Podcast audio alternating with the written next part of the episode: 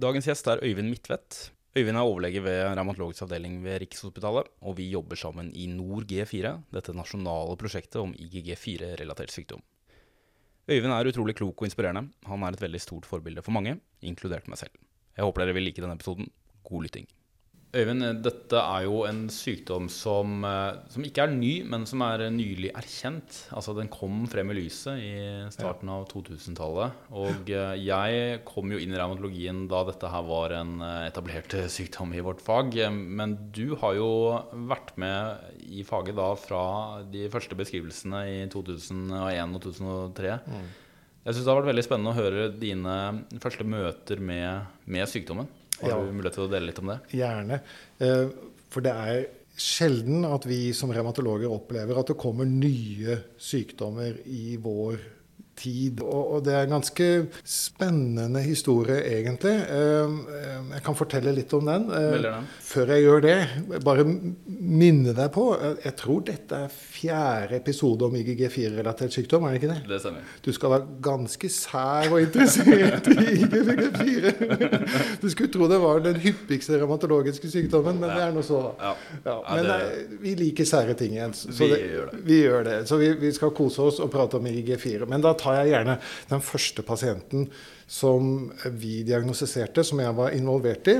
Og uh, før jeg går videre med, uh, om det, så er det en pasient som fortsatt lever. Jeg har god kontakt med vedkommende, og, og, og han har gitt meg full tillatelse til å fortelle denne historien, i tilfelle det er noen som kjenner han igjen. Ja, riktig. Så det er greit å ha det uh, på plass. Og det dreier seg da om at jeg i januar 2007 så fikk jeg en telefon fra onkolog på Radiumhospitalet, Stein Olav eh, Kvaløy. Han eh, ringte meg og fortalte at han eh, hadde vært involvert i da, den gangen da, en 62 år gammel mann som hadde vært hos øre-nese halslege pga. en del lymfadenopati på hals og hovne spyttkjertler. Han hadde vært hos hudlege for noe makulopapuløst erytem. Alt er makulopapuløst for meg, men det vært i hvert fall noe utslett, ikke kløende som hudlege hadde oppfattet som gjesner, som er en sånn benign lymfocyttinfiltrat i hud. Og, og, han hadde vært hos lungelege med litt astma. Det aktuelle var at han nå Det var i januar han ringte, og fra november så hadde han fått tiltagende redusert skarpsyn på det ene øyet. Eh, vedkommende var kollega eh, og kirurg, og, og, eh, han hadde da vært på øyeavdelingen. De hadde funnet at han hadde hovne tårekjertler ja. på begge øyne. Og noe vev i, i skallebasis ved fossa petyrgo palatina som de mente påvirket noe synsnerve. Så de hadde gitt han gramdose med solomedrol over en uke og høydose prednisolon. Det hadde hatt effekt. Kvaløy ringte meg og lurte på kunne dette være noe revmatologisk. Mm. Og jeg eh, syntes dette var litt underlig, og, og, sa liksom ja, ok. Han hadde hatt litt eosinofili. Eosinofili hadde vært på én et par ganger, så jeg. Så, så, kanskje det kunne være noe EGPA, så du får ta ANKA-test. da. Ja. Det hadde vært hovne spyttkjertler, kan det være noe sjøgren? Sjelden hos menn i den alderen, selvfølgelig. Så du kan ta anatest. og uh, ga noe sånn litt diffuse råd om, omkring det, da. Som man ofte gjør per telefon. ikke sant? Ja. Måneden etter, i februar, så mottok vi en formell henvisning på denne pasienten. Ja. Da hadde jeg ansvar for, for vurdering av henvisning på den tiden. Og ut ifra henvisningen så var det negative autoantistoffer. Og jeg, jeg, kunne ikke se at her var det noe revmatologi. Nei. Jeg kunne ikke se at det var noe EGPA eller noe sjøgren eller noe av de vanlige revmatologiske sykdommene. Så, så, så jeg ønsket for å være helt ærlig, å avvise henvisningen. Ja. Men syntes det var litt ubehagelig, eh, siden det var en kollega. Og, og sånn, så, så, jeg tenkte jeg må ha støtte i kolleger mm. for å kunne stå for den avvisningen. på en måte. Ja. Så eh, jeg tok henvisningen opp på morgenmøtet. Det hender at jeg gjør det. Mm. Så det husker jeg veldig, veldig godt. Og jeg husker eh, min daværende sjef, professor emeritus eh, og da seksjons overlege Jan Tore Gran, etter at jeg hadde lagt fram denne henvisningen og, og, og liksom håpet på et, en lett seier på, på mitt eh, synspunkt om at denne burde vi avvise, ja. så slo han i bordet mm. og sa Øyvind, hør nå her. Dette er åpenbart en systemsykdom. Mm. hvilke andre spesialiteter tar hånd om systemsykdommer? Det hadde jeg ikke noe godt svar på. Nei. Så da ble det litt sånn Nei, den pasienten skal vi ta. Ja. Det er vårt ansvar. Vi har systemsykdommer. Det skal vi finne ut av hva det er. Ja. Så da la vi han inn. Og i mars kom han inn på avdelingen. Da var jeg på avdelingen sammen med overlege Inger Margrethe Gilbo, som senere ble seksjonsoverlege. Mm. Og uh, Inger Margrethe og jeg, vi, vi forsto heller ikke helt hva dette dreide seg om. Så vi, vi kalte sammen til et uh, fellesmøte. Hvor vi hadde med infeksjonsmedisiner Pål Aukrust og Bjørneklett var der. Patolog Beiske var der. Uh, og onkolog Kvaløy fra Randhospitalet kalte vi også inn. Han kom fra Randhospitalet. Så han Mm. var med på det møtet. Ja. Så vi satt sammen da og diskuterte dette og gikk gjennom biopsimaterialet. Og, og Beiske og Delaby, begge de to be, meget dyktige patologer, Mm. hadde gått gjennom all histologi. Ja. Tårekjertler, lymfekjertler, hud osv. Og så hadde de sett at det var visse ting som gikk igjen i Ja. de ulike organene. Eh, Så det var mye lymfocytter, og det var mye plasmaceller. Ja. Og mye CD20-positive plasmaceller. Og eh, infeksjonsmedisinerne sa at det, vi finner ingen holdpunkter for infeksjon. Og, og, og Kvaløy sa at det er, det er ikke noe malignitet, det er ikke noe klonalitet i dette. Så vi, vi har ingen holdpunkter for at dette er noe malign sykdom. Nei.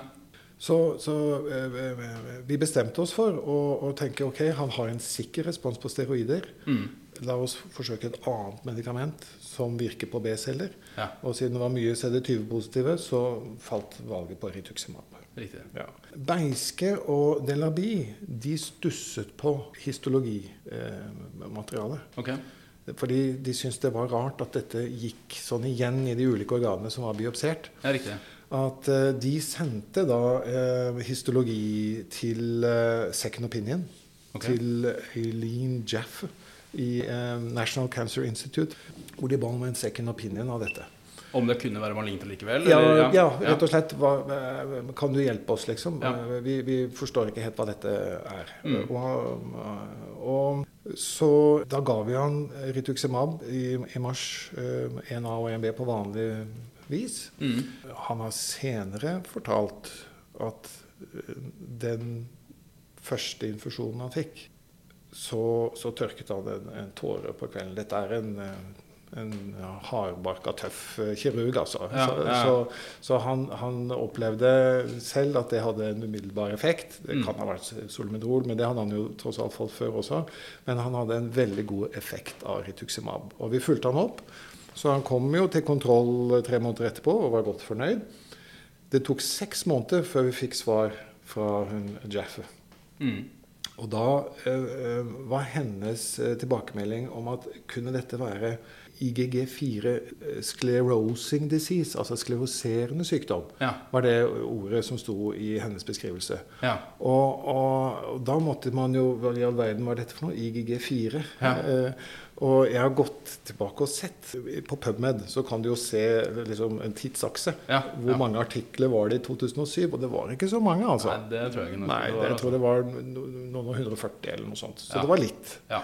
Så da, eh, i september, da, da vi fikk det svaret, eh, så tok jo IGG4, og det var forhøyet. ja. Så, så da hadde han Han hadde også forhøyet IGE. Så, så da kalte vi dette i begynnelsen for Mikulic. Ja. eh, Siden det var tårekjertler og spyttkjertler. Ja. Men ved utredning så så vi at han hadde en atrofisk pankras. Og Han har nok hatt en viss grad av pankratitt. Mm. Og han har hatt en aortitt, for han har blitt liksom behandlet for det. Mm. Uh, og han har hatt hud, som nok er relatert til det samme. Mm. Så, så han har nok en sånn systemisk Mikulic eh, IGG4-fenotype, da. Nettopp. Ja. Så, uh, og responderte da som sagt veldig godt på rituximab. De første årene ga vi det årlig. Eh, Men han merket at når, liksom, de siste månedene før han fikk ny behandling, så begynte det å komme mer hevelse i spyttkjertler og følte liksom ja, følte litt mer sykdomsaktivitet. Ja. Så jeg tror fra 2012-ish så ga vi han eh, hvert halvår. Fram til sommeren 2017. Så i ti år fikk han rituximab. Eh, med god effekt. Men nå er han uten noe form for vedlikeholdsbehandling, eller? Ja, så gikk han uten vedlikeholdsbehandling eh, noen år, men så har han begynt å få tilbakefall, så nå går han på lavdose prednisolon. Ja, Som, som holder ting i sjakk? Eh, Relativt stabil, vil jeg si. Riktig. Absolutt. Han har sine plager, men, men vi har ikke gitt ham noen ny rituximab. Det har vært covid, og det har vært mye eh, oppi dette. Ja. Så, så, så han er stabil. Men eh, det jeg har litt lyst til å presisere, og det er det Jan Tore Gran, en fantastisk dyktig kollega, sa den gangen i 2007 at vi har ansvar for systemsykdommer, det lærte oss noe. Det lærte meg veldig mye. Ja. Fordi vi må ikke tro at vi i 2023 kjenner alle liksom, systemsykdommene. Og, eh, så vi, selvfølgelig skal vi ha hovedansvar for de revmatologiske bindeveissykdommene og, og, og leddsykdommene som vi kjenner godt til. Ja. Men vi må hele tiden tror jeg, være åpne for at vi har et ansvar for å ta også vår del av utredningen av de pasientene som har, er litt utenfor vår primære revmatologiske sykdomsspekter. Ja. Og være med på å utrede de, i hvert fall. Ja. Jeg er redd for at i dagens høyspesialiserte spesialisthelsetjeneste så faller de pasientene mellom mange stoler. Ja. De går kanskje fra spesialist til spesialist, og, og de blir sendt rundt med litt sånn svarteperspill, er mitt inntrykk. Altså fra nevrolog til lungelege til kardiolog til nevrolog til ørenes og halslege. Altså det er ingen som tar et overordnet ansvar. Ja. På vårt sykehus her så er det kanskje infeksjonsmedisin som i dag i stor grad tar ansvar for en del av disse komplekse, sammensatte systemsykdommene. Men vi Ja. har også et ansvar for å, å, se på dem. Og de ber jo veldig ofte om tilsyn fra oss, så vi er inne i bildet. Ja. Absolutt. Men uh, Jan Tore Gran hadde helt rett. Ja. At vi har et ansvar når det gjelder systemsykdommer. Ja. Så det er en viktig lærdom. For jeg ville som sagt avvise den henvisningen. Ja. ja. Og det har jeg sagt til han. Så det vet han. Ja. Nei, det er veldig viktig lærdom, og du har jo senere også på en måte opplevd mye av det samme med, med Vexa-syndromet. Ja, på en måte. Altså, at du har vært med på å se brikker falle Ja. på plass eh, Ja. med nye diagnose, til, nye tilstander. Som, Ikke sant? men men da, det, eh, da denne pasienten til, til slutt fikk diagnosen da i 2007, eh, eh, hvor lenge hadde han gått med plagene på det tidspunktet da? Helt tilbake faktisk fra 90-tallet tror jeg han eh, eh, kan eh, erkjenne at han hadde plager. Altså. Så, så det hadde vært over en del år Ja. i varierende grad. For det er jo en sånn relapsing remitting sykdom. ikke sant? Så Ja. det har kommet og gått. Sånn at han, han, han var plaget lenge Ja. før han fikk endelig diagnose. Til patologenes liksom, forsvar de hadde heller ikke IGG4-farging tilgjengelig. Nei. nei. For det kom først i, i, i desember 2009. Ja. faktisk. Så, så man hadde ikke den eh, muligheten eh, i 2007 til å, å, å diagnostisere IGG4-relatert sykdom på samme måte som det vi har i dag. egentlig. Nettopp fordi den, eh, den muligheten for farging kom som en konsekvens av at denne sykdommen ble bedre anerkjent eller erkjent? eh, Helt sikkert at patologene her da, eh, de skjønte at ja, men dette var noe nytt. ikke sant? Dette var, det, det, her må vi ha fargemetode. Og så gradvis så har jo eh, det patologiske miljøet blitt veldig kjent med denne sykdommen i Mm. stor grad.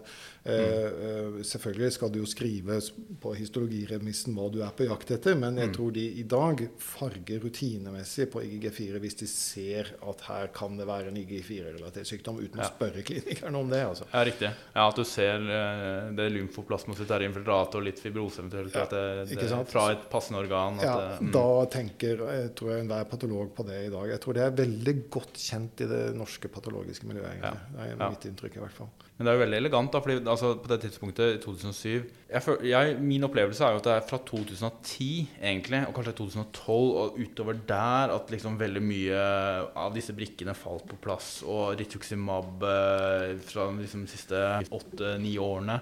Så på det tidspunktet eh, så gikk dere jo ut fra det dere så i biopsien, Ja. og så at du får en så mirakuløs effekt av det også. Det er jo Ja. veldig stilig. Ja. Det er veldig stilig, fordi eh, dere kunne jo valgt å si ja, ok, vi gir noe steroidsparende med Kunne ha valgt metotrexat, Ja, ja. eller noe annet. Men, men nei, eh, det er klart det har farget også vårt valg av behandling. når det gjelder IGG4. Mm. At vi hadde så god respons på, på første pasient. Da ble veien kortere til pasient nummer to. Jeg tror kanskje mer enn halvparten av våre IGG4-relatert eh, sykdompasienter har fått én eller flere infusjoner med, med rituximab. Ja. Men sånn, altså disse pasientene her, da. fordi det, det var jo ikke en sykdom som, som oppsto på 90-tallet eller 2000-tallet. Det er jo noe som har vært med oss i, i mange, mange, mange år. Ja. Har du noe inntrykk av hvor disse pasientene ble fulgt tidligere? Altså, hva slags diagnoser de fikk? Har du noen formening om det? Var revmatologen involvert i dem?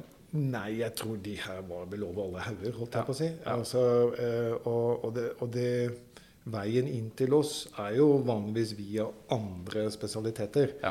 Naturlig nok. Ja. Eh, Jeg tror hvis eh, en eh, fastlege sitter med en pasient med hevelse i begge øyelokk, så er det ikke revmatologen han tenker på. Nei, først og fremst.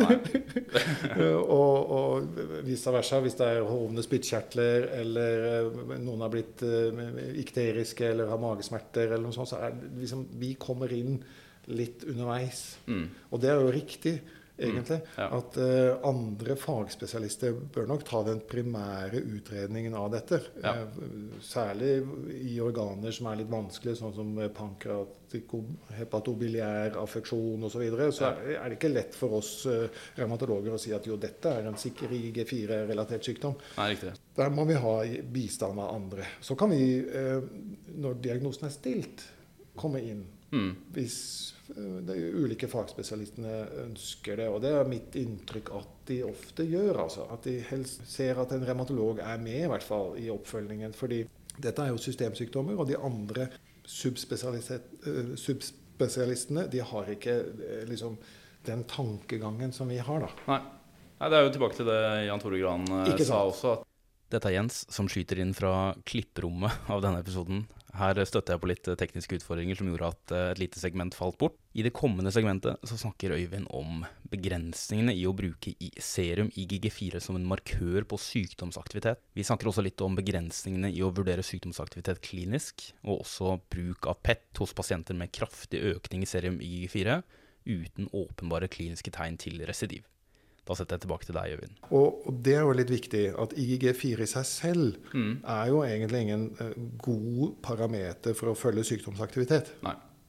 Eh, nylig, faktisk nå senest eh, de siste ukene, så har jeg to pasienter med ganske sånn mm, alvorlig og systemisk eh, IGG4-relatert sykdom. Mm. Og begge to hadde klart stigende IGG4 Mm. opp i sånn verdier eh, 9-10 altså gram per liter. Så.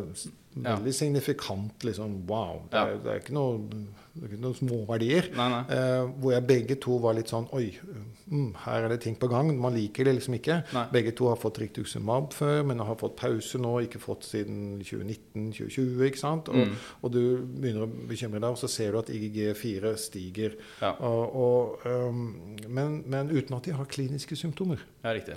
Og så gjør du PET, som Mm. heller ikke viser noe tegn til eh, aktivitet. Mm. Og så uh, tar man kontroll, og så begynner det å falle ned igjen. Så, det, så det, det er nok en som du har vært inne på tidligere når det gjelder patofysiologien, at det er liksom kanskje kroppen selv da, Mm. evne til å nedregulere sykdomsaktiviteten. For det er jo en relapsing remitting disease eh, per se, i, i seg selv. Mm. At man uten behandling så klarer faktisk immunapparatet og kanskje komme over the hill og døyve dette litt selv. Jeg vet ikke. Jo, det er ja. bare en sånn tanke jeg har. da. At de gjennom behandlingen har kommet til en litt annen sykdomsfase hvor kroppen klarer kanskje å bremse det på en litt kanskje annen måte. for dette er jo et sykdom som, som du har vært inne på, det er jo ikke ny. Så folk har jo levd med dette eh, i hundrevis av år. Ja, Eh, Og, og, og, og før man fikk kortison. ja. Det, er, eh, det er jo vanskelig å vite hvordan man skal håndtere de pasientene der også, fordi man kjenner begrensningen av den som en sykdomsmarkør. Men det er jo veldig ubehagelig å se at den stiger fra 3-4 til 10. Eh, man blir jo og man kjenner jo også begrensningene i å vurdere sykdomsaktiviteten klinisk, for det er jo så mye som kan skje innvendig uten Ja. at det gir noe særlig voldsom eh, eh, klinikk ut av det. Da. Ja, ja. Så viktig lærdom er vel å ikke styre behandlingen etter IGG4 Ja, alene. Og ja. hvis du har gitt rituximab, og, og, så vil jo IGG4 vanligvis falle, men ikke bli Mm. helt no, blir ikke borte. Blir ikke no, ofte kanskje ikke normal engang, men, men den, den faller. Eh, og, og hvis den stiger, så er det grunn til å eh, kanskje være litt overvåken. Ja. Uh, litt lignende sånn som med PR3-anka og GPA, kanskje. ja. uh, jeg vet ikke. Men, men, men, men ikke nødvendigvis å gi behandling bare fordi at IGG4 stiger, altså. Nei. Jeg syns jo det er en stor verdi i PET ved diagnosetidspunktet for å kartlegge sykdomsaktiviteten. Og idet du står i den situasjonen der, så er det jo fristende å få en, liksom en helkroppsavbildning. Men er det, er, det du, er det det du gjerne ender med da i de situasjonene der? Er det PET som er liksom the way to go da, tror du? Eller? Ja, vi er jo veldig heldige Ja. som har mm, PET godt tilgjengelig, og har nukleærmedisinere som kan mye om IGG4, som er interessert i IGG4, som godtar henvisninger med, på pasienter med IGG4-relatert sykdom. Sånn at eh, det er vel særlig der altså, Vi bruker PET. PET bruker vi ved diagnosetidspunkt for kartlegging. Ja. Og hvis uh, du har en under oppfølging som, som du er usikker på sykdomsaktiviteten på, så, så, og i, særlig hvis IGG4 stiger, da, og du Ja. tenker at her er det mm, kanskje grunn til å kartlegge nærmere, så er PET et godt verktøy. Det syns jeg. Ja. Ok, Øyvind, det er jo listen over differensialdiagnoser ved, for IGG4-sykdom er jo veldig lang, avhengig jo litt av sykdom, sy- sykdomsutbredelse, selvsagt. Men, eh, men en eh, diagnose som, eh, som, eh, som kan by på problemer, er jo ankeassosiert vaskulitt. Og nå var det jo på ACR, så husker jeg at John Stone hadde et innlegg om at ankeassosiert vaskulitt og IGG-relatert sykdom er dobbeltgjengere. Ja. Har du noe erfaringer å dele med, med i den situasjonen der, det, i situasjoner hvor det er vanskelig å avgjøre diagnosen? Ja, vi, vi, vi har sett eh, noen tilfeller med positiv anka. Vi har sett eh, flere tilfeller med orbitafunksjon. Ja. Eh, hvor, som vi vet eh, ved GPA kan du Mm. ha eh, affeksjon av orbita. Eh, og vi har hatt også enkelte på barn faktisk med affeksjon av glandula lacrimalis. Okay. Og lavtitret da gjerne MPO-anka. riktig. Som ikke passer med mikroskopisk polangitt. Så det, det syns jeg er litt rart. Men gjelder det også de voksne Ja, med retro-bulbært-humor, liksom? Vi det har, også sett, vi har sett noen der også, hos Ja, voksne, med, med lavtitret eh, MPO-anker. Og det stusser jeg litt på. Eh, Mm. det, det må vi notere oss. Eh, mulig at det er en eller annen sånn subgruppe av pasientene. Ja. Who knows? mm. Eh, jeg vet det er beskrevet, tror jeg, koeksisterende GPA og IG4-relatert sykdom. Så det, Mm. det kan hende at de er litt uh, related, kanskje mer enn hva, Ja. hva vi tror. Men, men, men at vi har hatt noen med, med orbitalaffeksjon, med lavtitret Jeg husker ingen med PR3-anka, faktisk. Nei. Men MPO har vi hatt. Og så har vi hatt én med, med eh, retroperitonal fibrose. Eh, med eh, bare moderat for høyt akuttfasereaksanter Mm. Eh, som vi Jeg aner ikke hvorfor vi tok anka. Nei. Men av en eller annen grunn så ble det tatt anka. Eh, og da var PR3-anka over 200. Eh, Nå har vi fått et annet eh, kit for PR3-anka, men det var i hvert fall veldig høyt. da. Knall positiv, Eh, uten at hun hadde noen andre GPA-manifestasjoner. Mm. Og vi hadde jo primært tenkt å gi steroider i monoterapi Ja. eh, for denne pasienten. Mm. Men det er klart at når PR3 var over 200, Ja. så hun, hun var plaget. Hun hadde mage og lave ryggsmerter. Og, og, øh, så vi ga steroider Mm. med effekt. Mm. Men, men med det ankatitret så endret vi liksom, Da tenkte vi OK, why not? Så vi ga henne rituximab ja, for å få steroidene litt raskere ned. Ja, ja. Men det var en retroperitoneal fibrose. Var det da en, det du oppfattet som en, en typisk distribusjon av fibrosen også, eller? Det var en antrolateral distribusjon. Og hun hadde vel positiv PET også, tror jeg, som lyste opp. Sånn at eh, det, det var eh, absolutt grunn til å, å tenke eh, inflammasjon, og steroider skulle hun i hvert fall ha. Ja. Men, men eh, det var liksom P3-titere som gjorde at vi la til eh, rituximab. da. Men, men var, det, var, disse, var den lesjonen i retroperitoneum tilgjengelig for biopsi, eller? Nei, jo, det vil si jeg snakket med Vi har jo noen radiologer her, sånn intervensjonsradiologer, som Det er tøffe folk. Ja, ja. Jeg snakket med dem. Ja, vi kan gjøre det hvis du liksom eh, eh, vil, men eh, eh, Men vi følte at, eh, at det var liksom litt for risikabelt, da. Ja, det skjønner jeg. Ja. Ja, Som du sier, det er jo slett ikke sikkert at man hadde tatt eh, Anka i den situasjonen Nei, der. eh, nei. Og, eh, Jeg tror det- mange ikke gjør det. Og, og jeg tror kanskje For det, da sjekket vi opp at det, det var faktisk noen som hadde Noen andre som også hadde hatt pasienter med retropetinal fibrose og PR3-anka. Det er riktig. Så det er publisert liksom den konstellasjonen og, og IGG4. Altså Ja. at, at man kanskje har noe Igjen, da. Ja. Kanskje er det eh, at vi har ulike subgrupper. At det blir flere med tiden. Det, det vet vi jo ikke. Men de, i disse case seriesene, da hadde de jo oppfattet det som en ren eh, anka-assosiert vaskelitt, eller hadde de Nei. Nei. nei. Det, Det var bare det at det var eh, PR3-anka eh, som da var eh, positiv hos eh, Men disse retroparentale fibrosene, de er, jo, de er jo for det første veldig, det er veldig spennende. Mhm. Men det er jo jammen ikke alltid lett. Men når du får de eh, henvendelsene der, eh, og eh, hvordan er det du egentlig stiller deg til biopsispørsmålet der? Fordi som vi har snakket om også tidligere, er det jo det at disse pasientene Det er jo vel, altså relativt vanlig at de har normal seremyg-4. mm.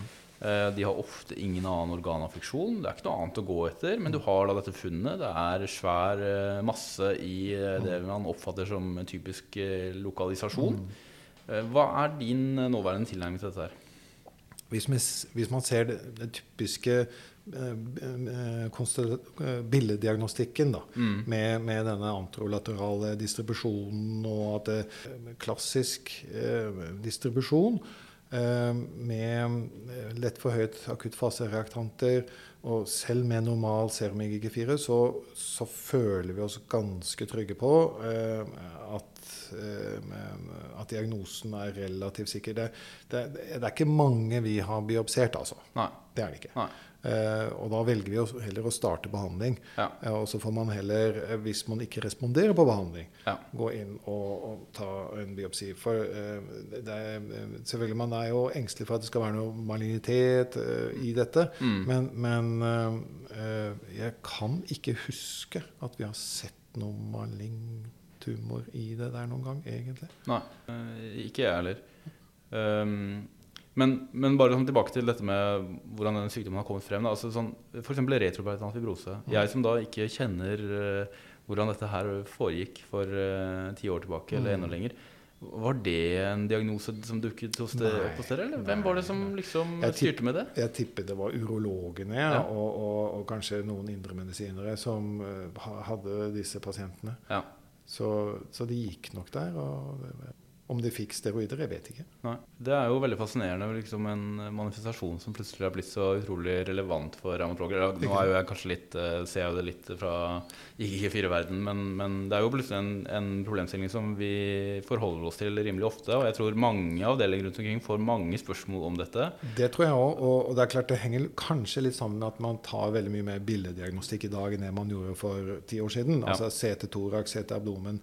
Det tas jo mye mer. Mm. Eh, og, og, og da finner man jo også mer Ja. eh, når man tar så mye billeddiagnostikk. Og noen ganger så er det jo tilfeldig funn. ikke sant? Altså I forbindelse med utredning av noe annet så har de plutselig sett at mm, det er litt retropendal fibrose her. Mm. Og så kommer de den veien. Og da er det jo liksom det det er jo fortsatt den lille gruppen som er idiopatiske, og så har vi ulike tilstander. altså Det er medikamentutløst, det er malignitet, som du sa. Så har du det, disse med, med anka-positivitet, Ja, hva nå- nå de har. Og så er det jo i tillegg også en uh, differensialdiagnose til som jeg vet du er også er, er glad i, da. En uh, med Erdheim Chester. Ja. Har du noe Der er det jo Det er jo en sykdom som eh, de færreste har vært borti, men som du har sett uh, Vi har hatt noen få tilfeller av Erdem Chester, ja. Eh, og og de, de får jo igjen den coated aorta da, rundt hele, ikke bare antrolateralt. Det? Så det er en litt annen distribusjon. Ja. Og så får de på PET skjelettaffeksjon. Riktig. Så du vil se forskjell når du gjør PET. Ok. Eh, Så, så vil eh, det lyse opp i skjelettet. Ja, riktig. På Så- en vanlig FDG PET? Uh, Av vanlig FDG PET. Ja, okay. vil, eh, fordi så å si alle Ikke alle har symptomer fra eh, bevegelsesapparatet, eller, eh, men, men, men så å si alle vil ha eh, FDG-opptak i skjelettet. Riktig. Så da vil, eh, Og er det dette med hairy kidney, selvfølgelig. Og, og sånn, og da vil jo, og nukleærmedisin her, de, de, de kjenner dette veldig godt. Ja. Ja. Ja. eh, Så For hairy kidneys det er en beskrivelse av liksom, altså fibrose rundt nyrene Riktig. på et vis. At det ser ut som de har nyrene av hår, rett Ja, og slett. ja, ja. ja da. Det vi da på Edam Chester eh, er på jakt etter, er om de har noen genmutasjoner sant, som er tilgjengelige for behandling. Og hvis vi finner det, Mm. så oppfatter vi Erdheim Chester i dag som en sånn hematonkologisk tilstand. At det da skal du over til Radiumhospitalet, kanskje. Okay. Til onkologene der for, for å behandle med, med sånne Vemurafenib og andre eh, kinasehemmere, da. Riktig. Som de kjenner mye bedre enn oss. Men da har vi snakket litt om disse det var jo veldig, Jeg syns det er veldig spennende med disse ANKA-positive pasientene. Og så snakket vi da litt om, om denne med, med retroplatant. Men hvis vi bare kan gå litt tilbake til disse med orbitaffeksjon hos disse som hadde positiv MPO-ANKA. Ja. Og har, du, har, du, har du opplevd at de der som sykdommen har endret seg underveis, og at det har vært at det har endt opp med at dette her passer jo nå veldig godt inn i en ANKA-assosiert vaskelitt, eller? Nei, det kan jeg ikke huske. Nei. Så diagnosen er nok riktig. Og så er det jo veldig spennende synes jeg, å se sånn hvordan egentlig arter denne sykdommen seg in the long run. Hvis du, hvis du velger å gå for f.eks. rituximab vedlikeholdsbehandling, har du en slags standard eh, tilnærming til det med dosering og intervall? Eh, gir du det i faste intervaller, eller, eller styrer du etter symptomer, eller er det Veldig godt spørsmål, og det er vel egentlig ingen som har noe godt svar heller på det. For det er, det er jo ikke noen internasjonale guidelines eller noen retningslinjer her som vi har å forholde oss til. Så eh, når det gjelder Rituximab, så er det viktig å, alltid å presisere at det er utprøvende. Ja. Ja, eh, Så samvalg eh, er jo helt vesentlig Ja. i en sånn diskusjon. Mm. Også når det gjelder vedlikehold. Eh, Både oppstart og vedlikehold så må man alltid ha eh, eh, samvalg med pasienten. Men eh, senest i dag på morgenmøtet så diskuterte vi eh, en pasient med en eh, IGG4-relatert kjolangitt. Ja. Ikke pankratitt, men kjolangitt. Mm. Eh, som hadde hatt forhøyet IGG4 ved debut. Ikke sånn sky high. Mm. Eh, IGE var her ikke tatt, dessverre. Kom fra gastromiljøet. det er ikke alltid at de tar IGE. Eh, fordi det, det vi vet, er jo at de med veldig høy IGG4, de med høy total IGE, Mm. og de også vel med cholangitt, og de Mm. med, med, med mange residiv Ja. før, Ja. er de som kanskje oftest residiverer etter rituximab Ja. som induksjonsbehandling. Mm. Eh, og det er jo særlig de der vi kanskje tenker eh, at de trenger en vedlikeholdsbehandling. Ja. Eh, så det eh, eh, Vi bestemte oss i plenum i dag å gi vedkommende en vedlikeholdsbehandling eh, nå seks måneder etter at han hadde fått induksjonsbehandling. Han hadde respondert på steroider, men fått mye bivirkninger og, og var for så vidt stabil. Mm. Men, men vi vil jo ikke ha noe residiv av en cholangitt. Mm. Det kan gi um, komplikasjoner. Og det er en, en alvorlig organmanifestasjon. da. Ja, altså I ankastet vaskulitt så er jo kanskje tendensen at man reduserer dosen av rituximab Ja, sånn, ja. eh, til 500 mg, er, er, sant? er, men fortsatt gir det regelmessig. Det, Ja, Det, hvordan- det blir litt sånn individuelt, ja. Ja. ja litt avhengig av IGG-verdier ikke sant? Og, og respons og, og, og ja, Mm. hva man føler for andre komorbiditeter. Det er litt sånn roll the dice når det gjelder. Rett og slett. Altså. At man, det blir en persontilpasset. Riktig. Eh, absolutt. Ja. Men det er jo da Det er jo noen som så får, får et par runder, og så er det andre som blir stående Ja, lenge. Ja. Og sånn er det jo i, i mangel på noen store studier som Ikke viser sant. dette der. Eh, men har du, no, har du noen erfaring med de som hvor rituximab vedlikeholdsbehandling avsluttes? De går uten, får residiv, starter opp igjen. Er det stort sett eh, god respons igjen da, eller? Vi har jo noen som har fått uh, infusjonsreaksjoner. eh, men, men om det eh, er på, fordi at de har avsluttet, det vet jeg ikke helt. Altså. Men ja. da har vi gitt okrelizumab, vi. Altså, Ja. For vi mener at det likevel er den beste behandlingen. Ja. eh, en B-celledepresjon. Vi venter jo på Det gjøres jo studier med andre eh, nye immunmodulerende. eh, Mm. Men rituximab ser ut til å være liksom eh, the drug of choice. Ja. Eh, og vi, siden vi har hatt så god erfaring her fra 2007, Mm. så har jo vi brukt det veldig mye. ja. Og vi var nok mye mer liberale med IGG4, nei, med rituximab eh, før pandemien. Ja. Ja. Eh, etter pandemien og under pandemien så var vi litt sånn at vi tenkte oss om både én og to og tre ganger. Altså. Ja. Eh, fordi vi, vi, vi, så jo nettopp at de hadde dårlig vaksinerespons og kunne få uh, komplikasjoner. Så, så, så det har nok gjort at vi har vært litt mer eh, restriktive, kanskje. Vi, men, men kanskje landet på et litt mer riktig nivå, da. Ja. Eh, men, men er det en alvorlig truende organskade, så, så er det etter mitt skjønn det beste. ja.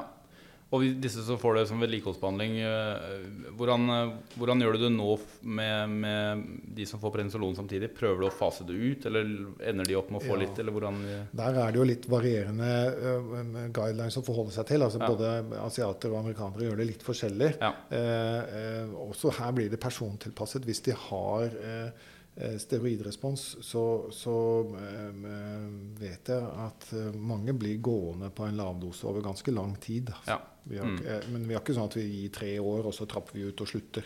Nei. Eh, jeg, jeg tror ikke det er noen sånn retningslinje vi har, egentlig. Nei. Nei. Men vi, det kommer litt an igjen på hva slags organer som er affisert. Men, Mm. eh, men, eh, men eh, det, vi har ikke noe sånn klar at du må slutte etter tre år. Nei. nei. Eh, Øyvind, tusen takk for eh, denne praten om eh, vår felles fascinasjon. IGG4-relatert sykdom. Det er morsomt å sitte og småprate sånn, og tusen takk for invitasjonen. Det var jo veldig hyggelig. Jeg er veldig glad for at du stilte opp. Ja. setter veldig stor pris på det. Um, har du noe du vil si avslutningsvis? Eh, Dette, var, dette er jo sært, Jens. Mm, ja. Det, det er det. Og, og eh, det er en, enten en sang eller, eller et dikt som, som slo meg, eh, som heter 'De nære ting'. Mhm. Eh, og jeg, jeg blir glad i dikt. Eh, og, og siste vers av 'De nære ting' Jeg husker ikke helt hvem som har skrevet det, men, men eh, det, det går som følger. Og da bytter jeg ut ett ord. Mm. Eh, nære byttes ut med sære. Ok. Okay, ja. Den lykken du søker bak blånende fjell, kan hende du alltid har eiet den selv. Du skal ikke vandre i hvileløs ring, men lær deg å elske de sære ting. Det er uh, fantastisk. Ja, det, er det ja, det er en veldig fin avslutning på Er fjerde det det? episode av IGG4-relatert Jo, sykdom. det Ja. synes jeg. Og det betyr også at eh, vi nå skal ha mm, fem episoder om inflammatorisk myofibroblastisk tumor. Ja. Vi skal ha ni episoder om RDM Chester og 22 om Kasman. Ja. Og du er invitert tilbake til alle. Jo, takk, takk.